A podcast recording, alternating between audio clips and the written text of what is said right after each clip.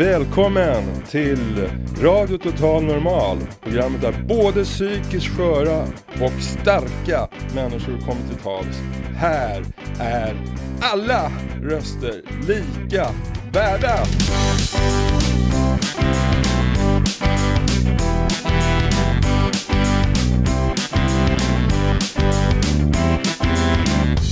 Hello there, this is Radio Total Normal. Hej, det här är Total Normal, eh, Radio Total Normal. Du lyssnar på Radio Total Normal 101,1. Totalt normalt. Radio Total Normal 101,1.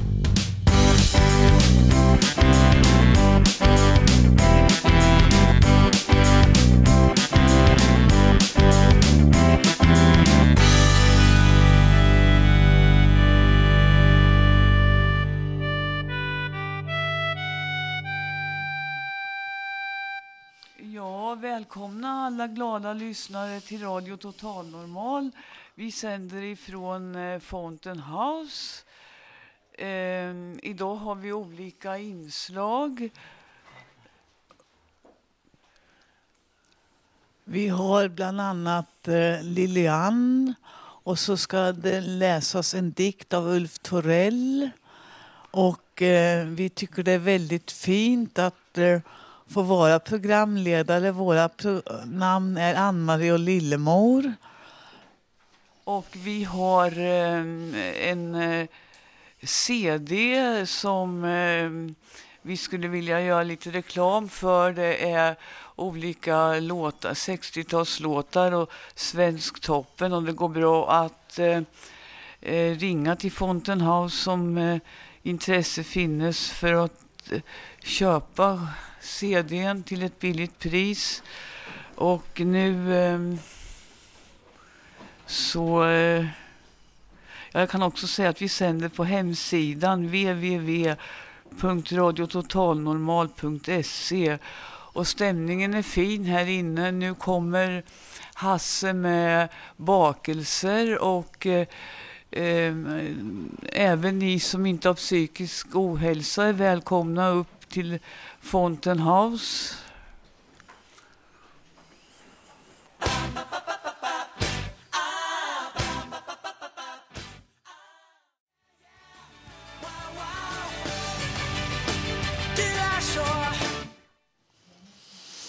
Ja, då har vi eh, Siv Strand som har kommit på plats som ska läsa Mina tankar, egna dikter. Varsågod Siv. Ja, tack så mycket. Den heter alltså Mina tankar. Ja, nu har jag bara blocket framför mig och mina tankar inom mig. Min hjärna arbetar febrilt med sanningen. Vad ska jag tro på? Jag vill ha en sanning. För att ett plus ett är två. Först då blir jag lugn. Tänker man på religion kan man inte tänka att protestanter och katoliker är lika med sju. Det vore allt bra enkelt. Eller om man gör som tjuren Ferdinand, sitter under korkeken och luktar på blommorna och är så lycklig. Ja, livet är som en godispåse. Vad ska jag välja idag? Något jag är dålig på? Eftersom jag inte duger går det väl bra. Verb och substantiv kanske? Ett svårt kapitel i godispåsen. Nej, jag tar något jag kan. Något inom teckning? Ja, det är jag bra på. Har fem års utbildning. Var bildlärare innan tankarna förstörde allt. Det ska jag inte rota i nu. Läraryrket är inget att ta, snyftar jag fram. Fast nog var det roliga mina elever. De eldade papperskorgar och de ville att jag skulle spela och sjunga. Men jag hade ju ingen musiklektion. Visst är jag snäll, men inte dåraktig. Bara nära på, Siv Strand.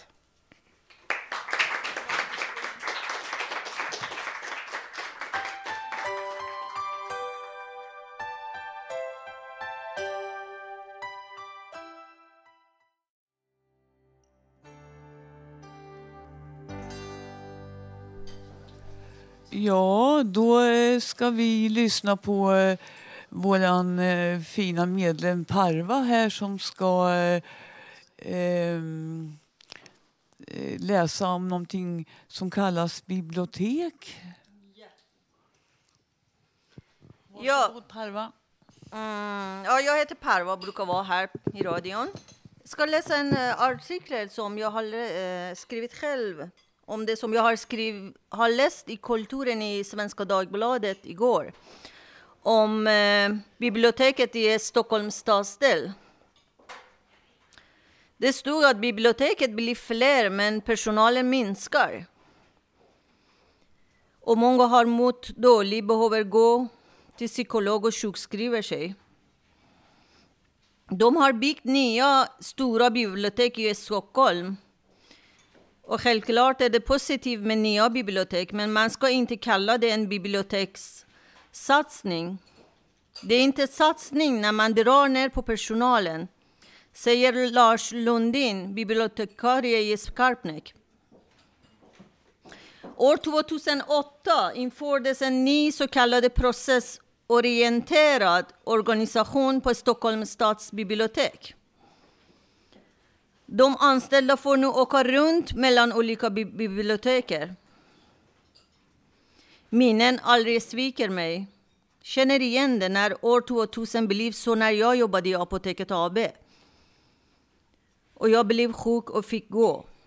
Efter tre år ett slitsamt jobb, både jobba och studera internt i, i apoteket. Jag fick två månaders uppsägningstid. Farmacifackförbundet och juristen var på apotekets sida. Och jag var som en springflicka eller en liten myra på golvet som ingen såg eller ville inte se. När jag sa att vad jag tyckte och tänkte om jobbet som knäckte min rygg, som var tungt och stressad. Fick gå, blev sparken, men fick betalt två månader bara. Nu var det min egna erfarenhet. Vi går tillbaka till våran bibliotek i Skarpnäcks stadsdel. Lars Lundin i Skarpnäck säger att barngrupper står utan bibliotekarie. Eva K Nilsson säger att man har slagit sönder fungerande verksamhet och väljer att lämna Stockholms stadsbibliotek.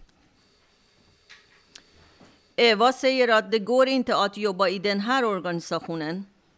Det har varit extremt hårda reaktioner från personalgruppen och många är sjukskrivna.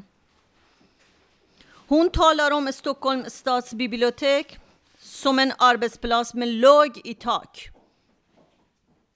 Jag har läst artikeln från Kulturens sidan i Svenska Dagbladet igår, 18 och känner mig besviken på Skarpnäcks stadsdelsförvaltning som gör att de som är bra och vill göra ett bra jobb slutar eller blir sjuka.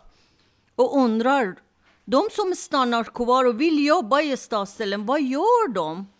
Hur gör de och hur tänker de? Jag känner både Lars och Eva och vet att de är sådana som bryr sig om folk runt omkring sig och vill göra ett bra jobb. Och tycker synd att, en, att sånt händer i vårt samhälle. Men som förra gången när vi hade programledare som Katrin Lawford sa förra gången, hörs vi härifrån? Vi jobbar hårt för detta radio, för att våra politiker och de som vill höra vettiga röster hör och bryr sig. Vi vill inte ha mera sjuka i samhället. Det räcker med det som det är nu. Vi vill ha ett friskt samhälle. Men när våra barn, äldre och de som behöver stöd och hjälp blir isolerade och sjuka, då kan vi inte ha ett bra och friskt samhälle. Tack för mig.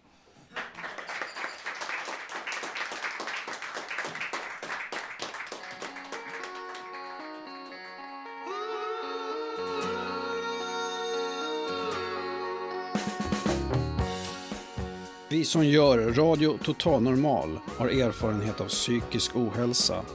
Radio Total Normal på 101,1.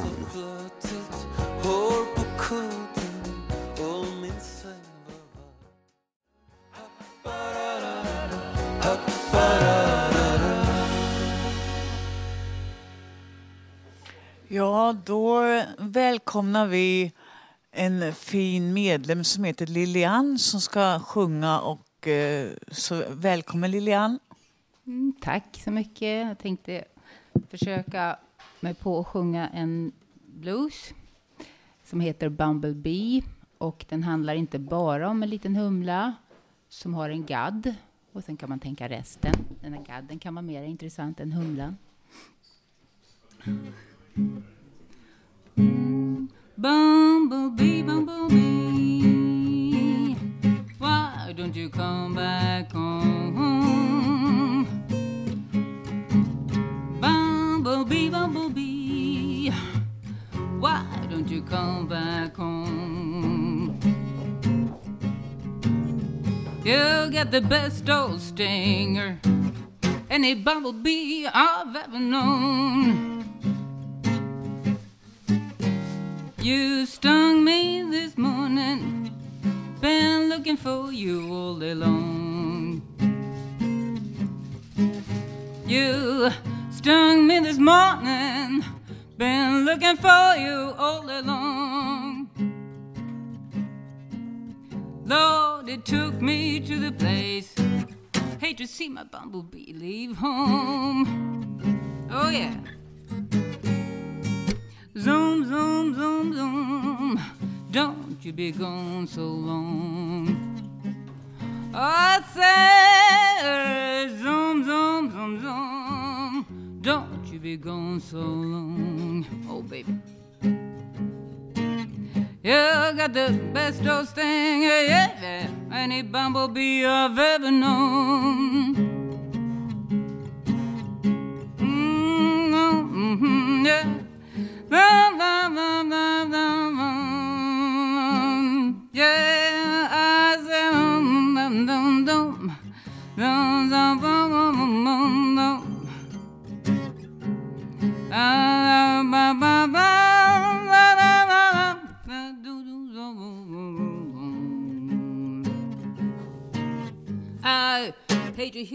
Buzz. Come on, Bumblebee, won't you stop your fuss? You're my bumblebee and you know your stuff. So sting me, baby, till I get enough. Bumblebee, bumblebee, don't you be gone so long. You're my bumblebee. You need it here at home, home, yeah. Oh, don't you be gone so long, baby. Don't you be gone so long. I say now, baby, baby, baby. Don't you be gone so long. Mm-hmm. You're my bumblebee. You need it here oh, oh, oh, oh.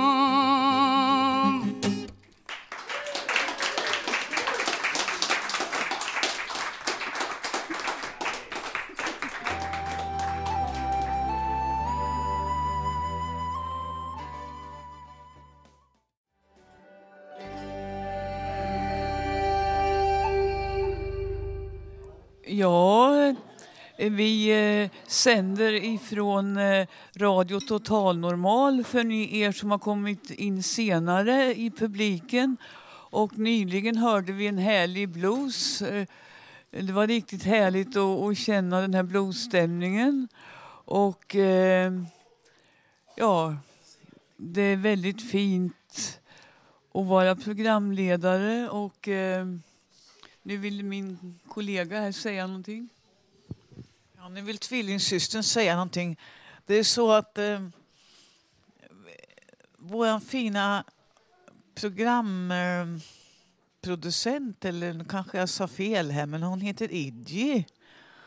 Hon har sin mamma här på besök och bland annat och det är ju fint och det känns härligt och jag hoppas att du tycker att din dotter gör ett bra jobb. Vi kan intyga att så har det varit. Hon har varit väldigt snäll och trevlig. Och, så du behöver inte vara orolig.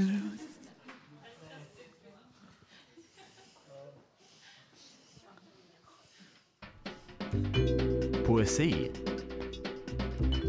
i Radio Total Normal. Ska läsa en dikt av Ulf Torell som heter Förra året var 2008. Nu är 2009. Midsommar var juni. Nu är det februari. Jag bor i Hammarbyhöjden. Jul var december. Natt är mörkt moln. Kväll. Månen lyser. Stjärnor blinkar. Förra månaden var januari. Nu är fredag. Ett fartyg jag arbetat på reste 1969 till 1970. En tid sedan på Atlanten, Panamakanalen. Stilla havet. Jag var i ön Sydamerika. Gick i land, arbetade där. I Europa dessutom. Kanske nästa år är 2010. Igår var torsdag. Jag är 55. April, maj var vår förra året. Vind blåser. Möjligt imorgon är lördag.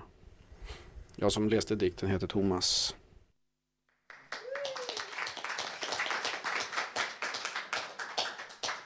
Nu, eh, det var en fin dikt och vi har många förmågor och eh, vi tycker att det är underbart att vi kan gå ut i sändning. Det är en fin stämning här.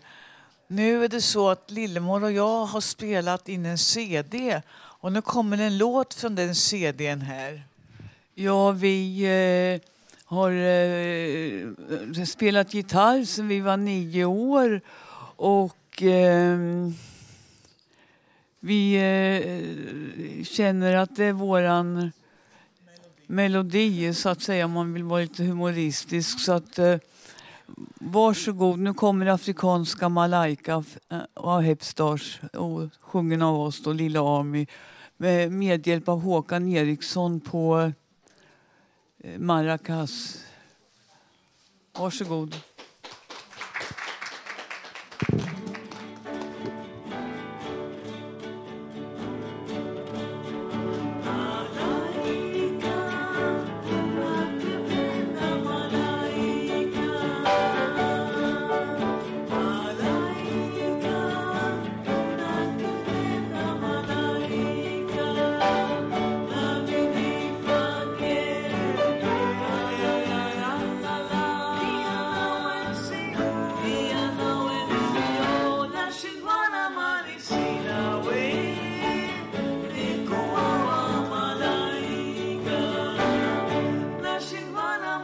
see.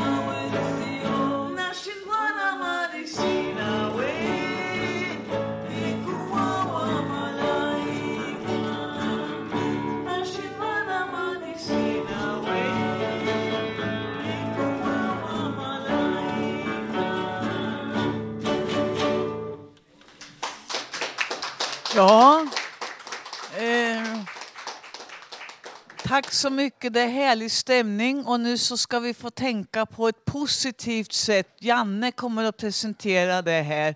Varsågod Janne. Ursäkta, Uh, hallå, Uh, är jag med nu? Okej, hallå? Uh, jag heter Janne och jag har en sjukdom som heter schizofreni. Och den har jag levt med i stort sett hela mitt liv, vad jag kommer ihåg.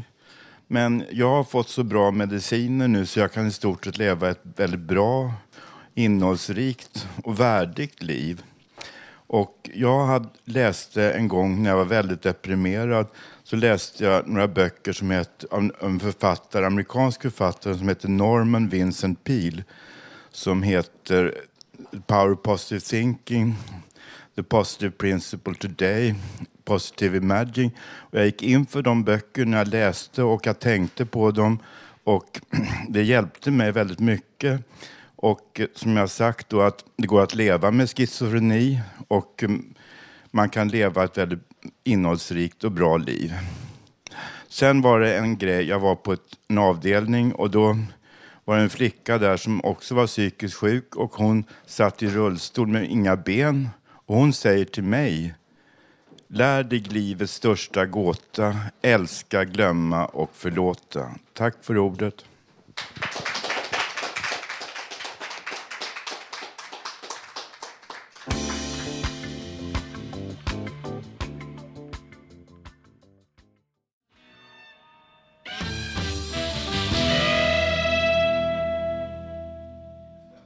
Ja, Eh, nu ska vi be att få presentera en eh, eh, flicka som heter Rika som ska läsa först en dikt och sedan lite tankar. Två dikter och lite tankar. Varsågod. Hej, hej. Är den på? Är den det? Mhm. Ja, de här dikterna har jag skrivit själv. Och det är alltså två stycken. Och de har ingenting att uh, göra med varandra. Har haft mörkret på mig som en kappa flera månader. Som en trygghet. Nu öppnas himmel och naken slår ljuset rakt på ansiktet. Det vita. Ihålig. Men iskall. Ser och iakttar. Strålar. Jag tror inte att det är sant. Vilka papper eller dagar, detsamma. Tiden beror på. Tiden funderar. Tiden lägger sina vingar på hyllan och väntar.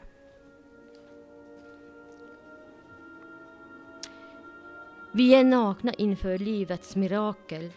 Se! Lukta och krama, lev, livet sipprar i ådrornas rike. Försvinnandet. Skuggan består och väntar på en stadig sten. Havet omfamnar. Simtak drar dig till landet. Fågeln, havsfågeln, den lyssnar på samma sätt som tusen år sedan. Den sitter i din träkrona.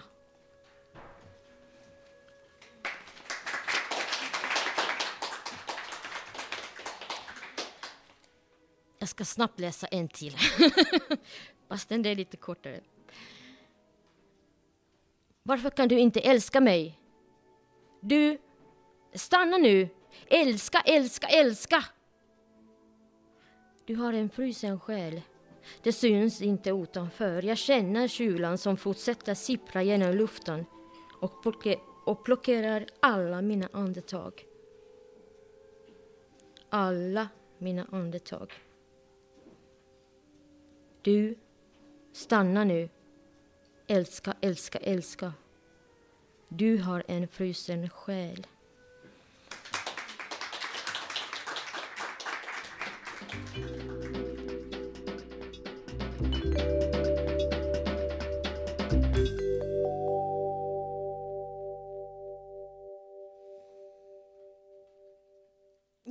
Någonting helt annat. Det var konstigt, kanske, eventuellt, eller inte alls.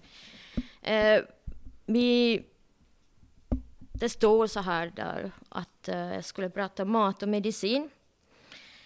Eh, och det är ingen föreläsning, utan det är bara tips. Och jag tror att alla här på något sätt har haft... Eh, Janne berättade just om att han har fått bra mediciner nu. Eh, och mediciner är bra många gånger och de hjälper, men de belastar också kroppen. Och då gäller det att eh, försöka ta hand om sin kropp så gott man kan alltså. Men jag vet att många har till exempel muntorrhet och det påverkar tänderna. Eh, sen kan man öka i vikt och eh, vissa gör det mer eller mera än andra. Och skakningar och sånt där, det är också mycket vanligt. Så jag hoppas i framtiden någon gång att medicinerna skulle utvecklas så pass mycket att man, in, man slipper flera och flera biverkningar. För att de kan vara rätt så jobbiga. Själv lider jag av att jag, jag skakar i, i, min medicin påverkar att jag skakar i händerna. Och då är det ganska jobbigt att vara i sociala situationer. Eh, några år sen, eller ganska fyra, fem år sedan, så, så mm, var jag på kurs, uh, det här med just medicin och mat. Och hon var dietist, men det var intressanta saker som man fick veta där. Och jag menar här på Fountain House, jag tycker att det är väldigt, väldigt bra att de som går här regelbundet, att de har frukost här och att de har lunch och det är liksom för att jag tror att när man äter medicin så det är väldigt viktigt att man har en regelbunden, att man, tar, att man äter regelbundet. Och så. så. om man är här, äter lunch och så, där, så behöver man kanske laga lite lättare middag eller någonting sånt där. Eh. Sen, sen eh, pratar vi också om det här vitaminer. Alltså för oss det är bara sluta tänka det här med vikten att, att man ska panta. Ja, det är bara att glömma. Man ska äta sin medicin, man ska äta vanlig bra mat och motionera. Därför att eh, tyvärr, det är liksom den här med vikten så, och det är väldigt viktigt därför att om man ökar väldigt mycket i vikt då, då blir det alla möjliga andra sjukdomar. Eh, Det är klart sallader, att, men grö, grönt och eh, frukt överhuvudtaget. Och jag menar, hon berättade för mig ganska mycket sådär att hon eh, egentligen som är lite poppis hela tiden så här att man ska äta, det finns massa olika slags kost, eh, GI och vad de heter, Atkins och sånt där. Eh, men det var inte det som hon menade, utan hon tyckte också att man måste liksom äta rejält mat, alltså ordentligt. Ehm, just därför att, eh, att banta och sen, sen kan man också att om man bantar och sådana här så man man kan uh, tappa väldigt mycket vatten och sånt där. Så det är väldigt mycket viktigt att dricka, uh, eh, dricka och vatten och eventuellt mjölk. Sen pratade hon lite grann också om vitaminer och kosttillskott. Och man ska prata med sin läkare om det här att vilka vitaminer är bra. Oftast är B-vitamin som fattas. B2, B3 och eh, uh, folsyra och sådana saker. Um, men man kan inte äta alla vitaminer hela tiden heller, så de lagras till levern.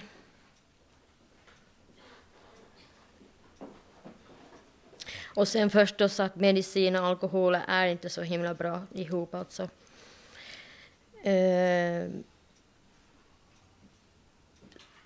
ja, jag vet inte. Jag, vad, vad ska man säga? Uh, har någon att, uh, någonting att säga? Eller? Ja, okej.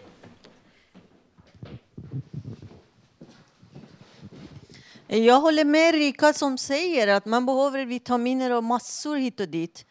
Men hur ska det gå när man känner att man är sjukskriven, får bara 8 000 i månaden, betalar 5 000 för hyra och det är 3 000 kvar.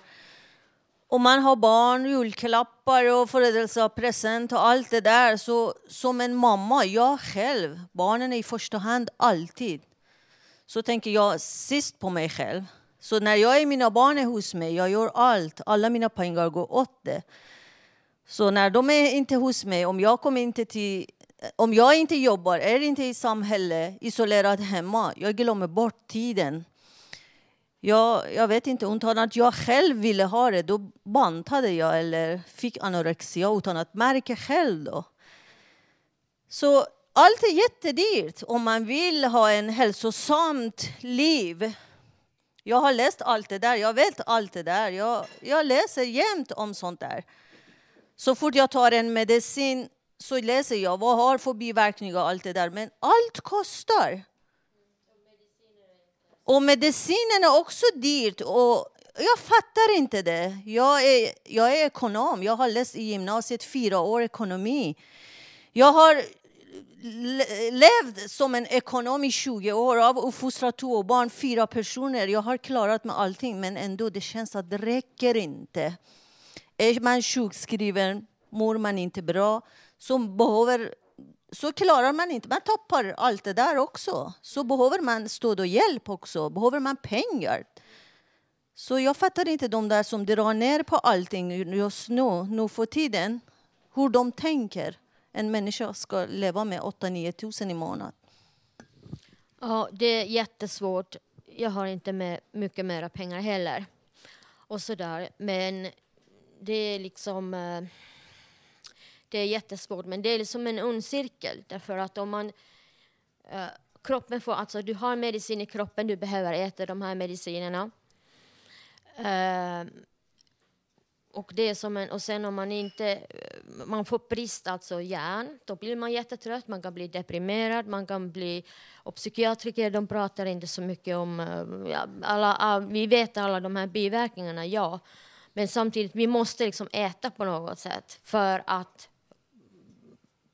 fungera fastän egentligen, jag, jag, jag vågar själv personligt inte leva utan medicin liksom, därför att jag är så rädd att jag, jag ska liksom falla tillbaka till mörkret på något sätt. Men det, det där är, det är jättesvårt. Jag ville bara liksom eh, berätta tankar om det där. Jag vet och jag förstår dig, Rika. Jag, jag har ingen kritik mot dig. Men eh, det som jag menar, det är jättedyrt att leva just nu i samhället som vi gör det. Och det är kämpigt och jobbigt. Och när jag tänker på allt runt omkring mig, allt som är jättejobbigt, då kan inte jag svälja ner vatten ens när jag kommer upp på morgonen. Så tack vare Fantenhav som jag kommer hit och ser folk och pratar med dem och så kan jag börja och äta och ja, dricka faktiskt.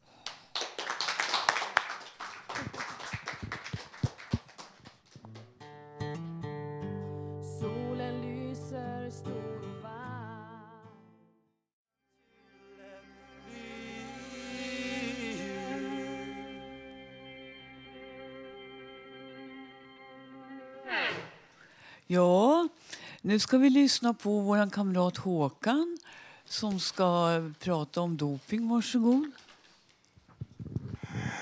Ja, lite då och då så hör vi och läser om att man har förekommit doping när det gäller sport. Både med hästar och människor som har dopat sig på sätt och vis för en tävling. Och jag har då ett förslag på hur man skulle kunna lösa det. Att det är genom att de är tvingade att, att dopa sig, göra ett doptest för att kolla att de inte är dopade på något sätt för att få en rättvisare idrott.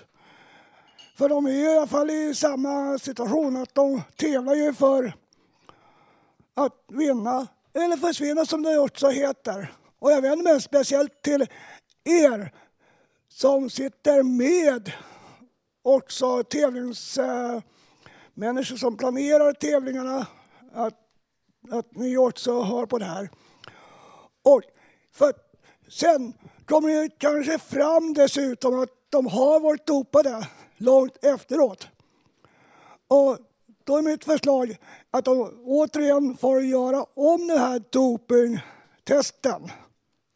Och visar sig då att resultatet var så pass bra och normalt, att det inte var normalt att det inte ingick att de var, gjorde det för att de hade tränat till det utan att det förekom doping. Att de då automatiskt blev av med det priset. Då. För då tror jag att eh, många drar öronen åt sig att doping som alkohol och eh, medicin hör ju inte ihop med bilkörning. Att man har samma regler som gäller där. Är det någon annan som har någon annan idé hur man ska lösa det på sätt och vis? Och det gäller även er som lyssnar. Mejla gärna in era åsikter till info snabel Radio Total Normal med era åsikter i den frågan. Ordet är fritt.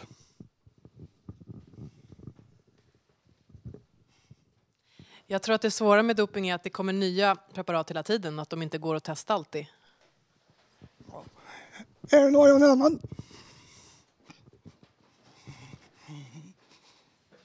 Eh, Det som varit dopare får springa nästa lopp med en röd clownnäsa.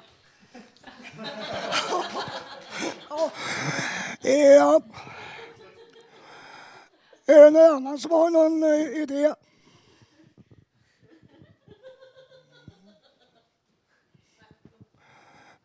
Jaha. Då får jag tacka för mig. Och jag vill gärna ge en eloge till alla här. Kom upp gärna för att varje torsdag så bjuder vi på kaffe och något gott bakverk som de bakar. Så ni vet inte vad ni missar. Vi sänder härifrån Fountain House lokaler varje torsdag mellan 14 och 15.30. Och var inte rädda. Och även ni som inte har någon psykisk ohälsa eller som jobbar tillsammans med dem. Som kuratorer, psykologer och gärna anhöriga också. Så kan ni nog få tips hur ni ska stötta era egna. För många av dem som ställer upp här har erfarenhet av det. Tack för mig, jag heter Håkan.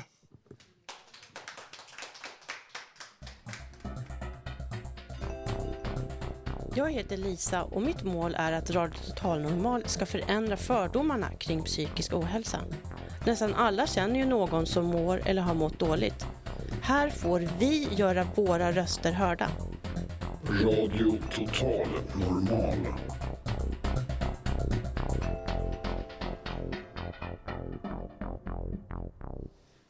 Ja, det är, det är väldigt intressanta punkter vi tar upp här.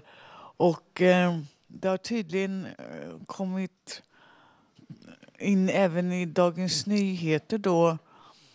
Och även i Norge har de läst. Det har kommit ett brev från Norge. Och jag ska be att få läsa upp det. Ska dere läsa på norsk? Nej, jag ska läsa på svensk. Jag läste om er verksamhet i DN för inte så länge sedan. Det var ett fint och minst sagt levande reportage. Jag bor sedan 15 år tillbaka i Bergen i Norge och har för vana att i stort sett dagligen slinka in till huvudbibliotekets tidningsrum. Jag tillhör kategorin förtidspensionärer och mottager aktivitetspengar från F-kassan i Sverige. Och det har kommit då till Idji, och då så, står det längre ner i brevet. Jag kunde gott tänka mig att få spela några av mina sånger och tonsättningar för er och radiolyssnarna en torsdag. Och eh, det är tid att finns tid som gives till det och andan har fallit på som det står i brevet. Låten heter Ryck upp dig! Av Robert heter han, ja. Välkommen Robert, tack. Så gråar din väg mellan tre droppar vatten och tre skovlar mull och du ser ju så väl att ingen ska lyfta i vördnad på hatten när jorden tar hand om din skröpliga själ. Ryck upp dig Salander, ryck upp dig, bete dig som han har statt upp ur din dödliga blund. Din mor är det synd om när alla beled dig. Här ser du den män som förvaltar sitt pund. Här ser du den män som vi akta och ära. Som sköta sin nästa och vakta sitt hus. Som tränat sin kropp att med värdighet bära sin djupsinnighets tunga sjuarmars ljus. Ryck upp dig Salander, ryck upp dig, bete dig som man har stått upp ur din dödlika blund. Din mor är det synd om när alla beled dig. Här ser du den män som förvaltar sitt pund.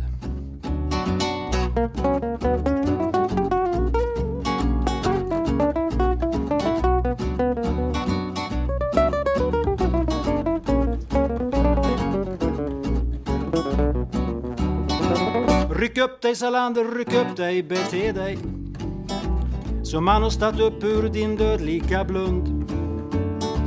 Din mor är det synd om när alla beled dig. Här ser du den män som förvaltar sitt pund. Behändiga män som i graderna stiga med uppdrag på uppdrag för stad och för stat. Små döttrar de föda som tids nog förtiga om pappa som rådman var illiterat. Ryck upp dig Salander, ryck upp dig, bete dig som man har stått upp ur din dödliga blund. Din mor är det synd om när alla beled dig. Där ser du den män som förvaltar sitt pund. Ja. Då får, vi tacka, då får vi tacka Robert för den låten. Och eh, nu ska vi höra ett inslag.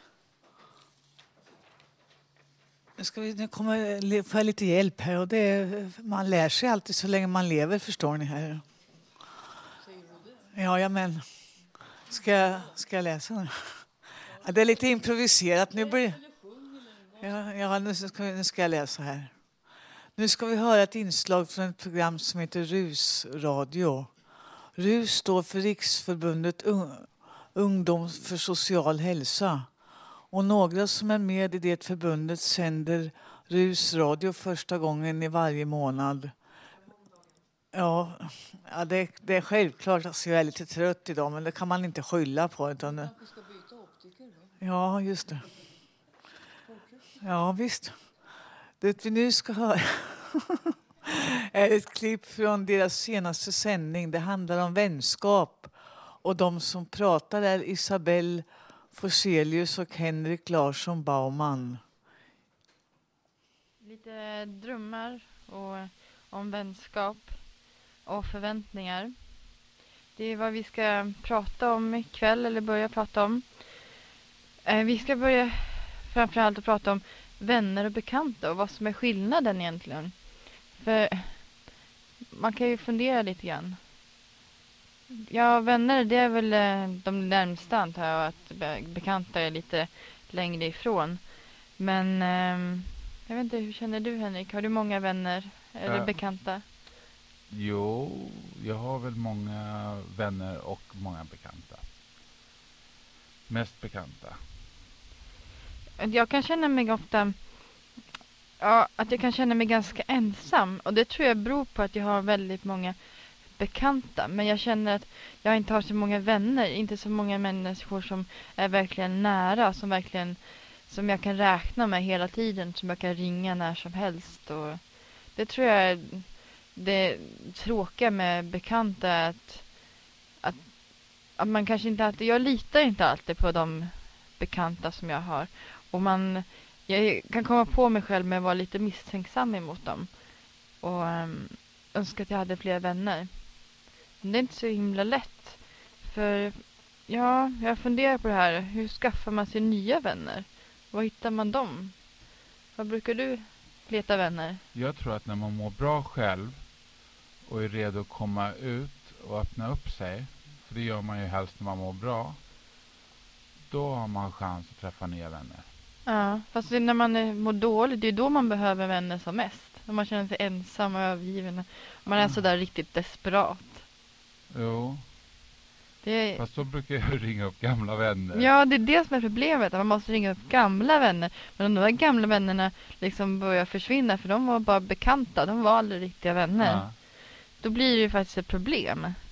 Och det är då dyker upp den där ensamhetskänslan. För att den där, när man känner att man, man kan inte man vet inte riktigt vem man ska ringa. Ja. När man verkligen behöver det.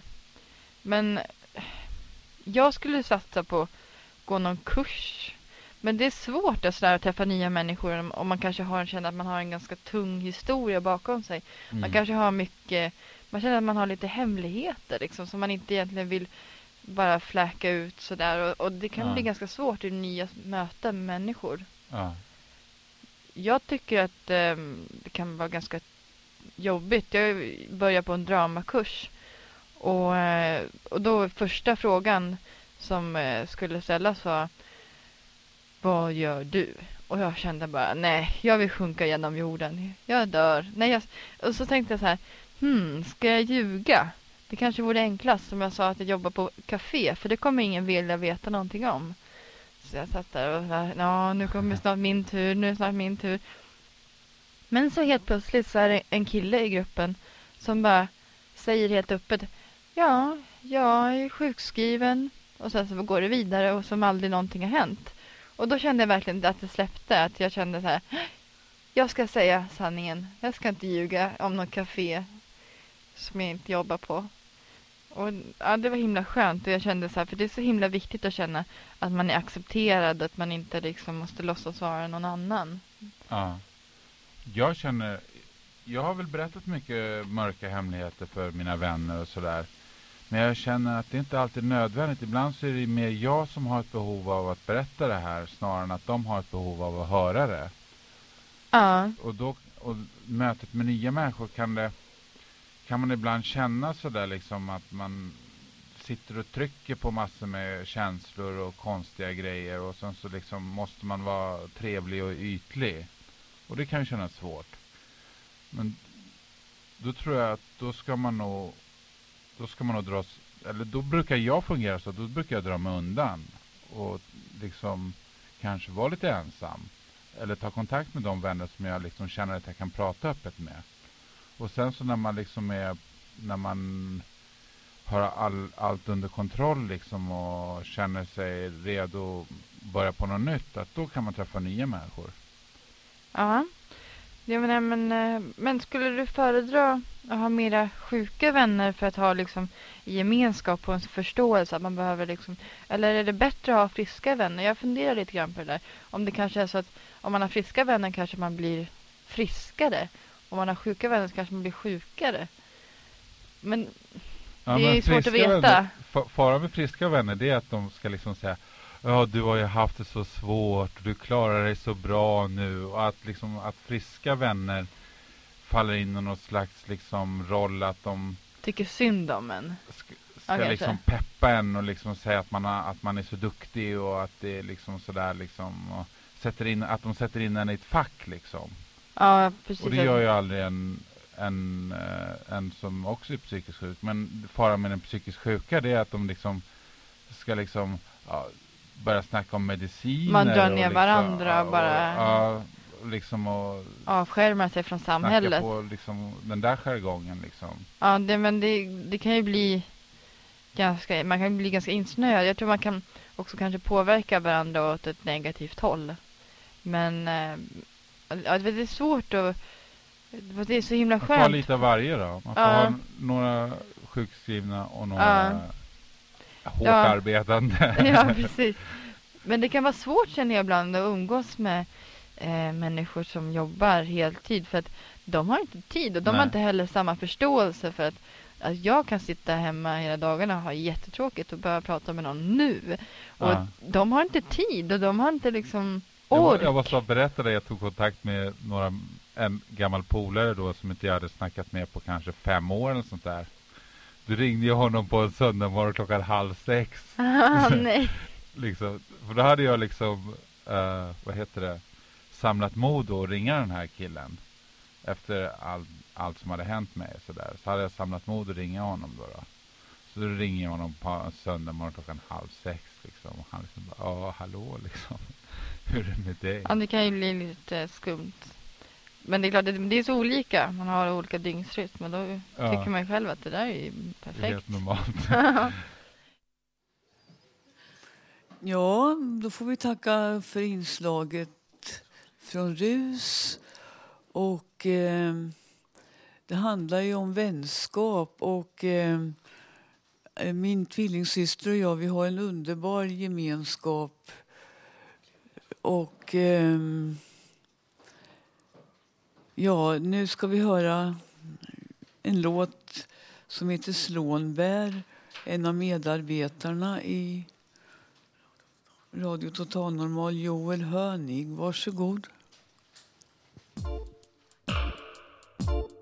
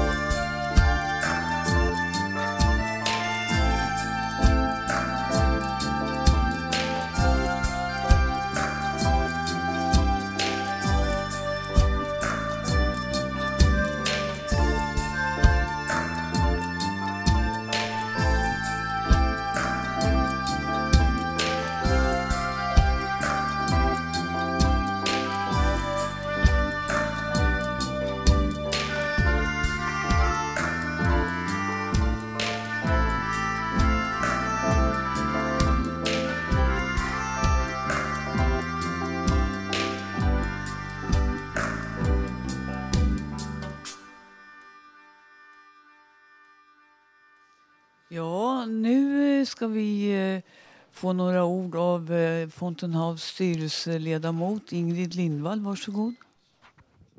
Tack för det. Eh, hittills har ni hört medlemmar, men jag är alltså ledamot av styrelsen sedan år 2002. Vi, jag vill bara tala om också att vi sänder det här ifrån Fountain House som är ett klubbhus för ett gäng Eh, aktiva människor. Människor med psykisk ohälsa eller olika psykiska funktionsnedsättningar som är fullt kapabla att driva en väldigt kvalificerad verksamhet. Ehm, jag har jobbat med ehm, folkhälsofrågor tidigare. Nu är jag pensionär eh, och jag behöver något vettigt att sysselsätta mig med. Jag behöver inte försörja mig och därför så tyckte jag att den här verksamheten passar in i det sammanhanget.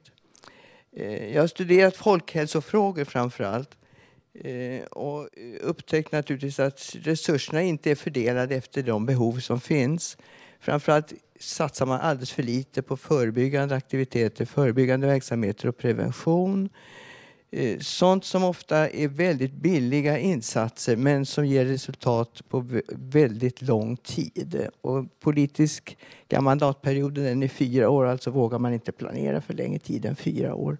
Det här kräver långsiktiga insatser. Eh, vi har också, jag har också utgått ifrån WHO, WHOs, Världshälsoorganisationens definition av hälsa. Det är inte bara frånvaro av sjukdom Eh, utan det är också välbefinnande, högsta möjliga välbefinnande eh, som måste räknas som, som hälsa. Eh, vi vet att samhällsutvecklingen ställer nya och hårda krav på alla människor och det behövs väldigt mycket eh, insatser för att komma till rätta med det. Eh, Vi har psykiatrireformen som var bra tänkt men som misslyckades delvis. Tusentals vårdplatser lades ner, det vet ni. Men det fanns dålig beredskap för att ta hand om alla människor som förut hade varit omhändertagna. Eh, öppenvården var otillräcklig och konflikt fanns mellan huvudmännen som gjorde att många människor hamnade mellan stolarna. Men i, i det här i, sammanhanget så finns alltså Fountain House. Och det upptäckte jag som fritidspolitiker eftersom jag satt i en, i en grupp i, i Stockholms kommun som fördelade anslag, bidrag, ekonomiska bidrag till olika folkrörelser och organisationer. Och då fick vi se Fountain House, vad det betydde för någonting. För Fountain House är då någon eh, organisation som tar vara på det friska och ser människor som eh, inte ser människor som vårdfall utan som stärker människors känsla, självkänsla och självförtroende. Fountain House är ju en metod. Det finns säkert andra metoder också som passar andra människor. Och det är viktigt att det finns valmöjligheter. Eh, det är en internationell metod. Eh, idén kommer från USA. Och det finns vissa krav på verksamheten. Den är, måste certifieras, den måste uppfylla vissa krav för att bli godkänd. Och det är, eh, just kvaliteten är väldigt viktig i den här verksamheten. Eh, det handlar om att arbetsinriktad drag, att ge en strukturerad tillvaro och träning för att möjligen komma ut i ett eh, eh, ordinarie arbetsliv så småningom. Det är många som klarar det. Det här är det politiskt intressant och det är som vanligt krassa ekonomiska aspekter det handlar om. Det här är kostnadseffektivt har man upptäckt. För med väldigt låg insats så når man, många människor kommer tillbaka till arbetslivet, kanske kan minska på sin medicinering och i största allmänhet inte behöver ligga samhället till last. Medlemmarna driver ju faktiskt det här huset själva med allt vad det innebär. Det är ekonomi och det är att servera mat till medlemmar och det är eh, kulturella aktiviteter och det är väldigt intensiv verksamhet här. Ehm, jag kan säga också att det här, Lisa nämnde det här med fördomarna mot människor med psykisk ohälsa.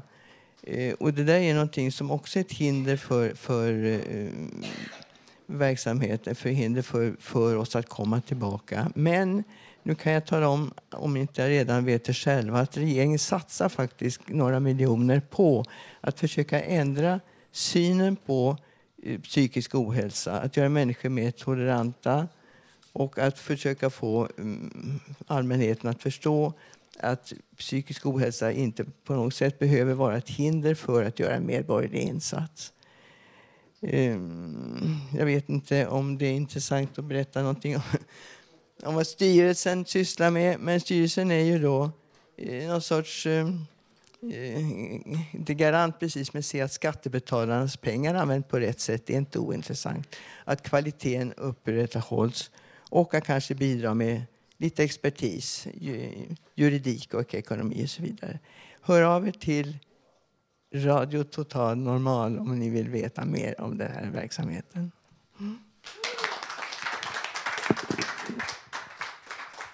Ja, vi får tacka Ingrid Lindvall och eh, hon eh, sa något väldigt intressant och det är det här med fördomar. Men den största fördomen man kan ha det är mot sig själv egentligen.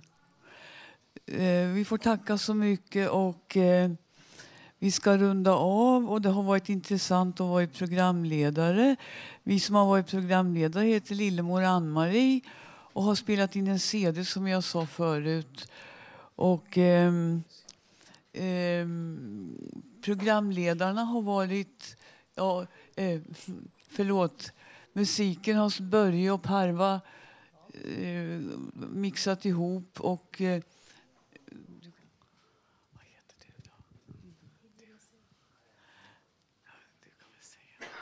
Ja, jag kommer in som producent här och avslutar programmet istället. Jag ska säga att Gustav Sondén var tekniker och jag som är producent heter Idje Maciel.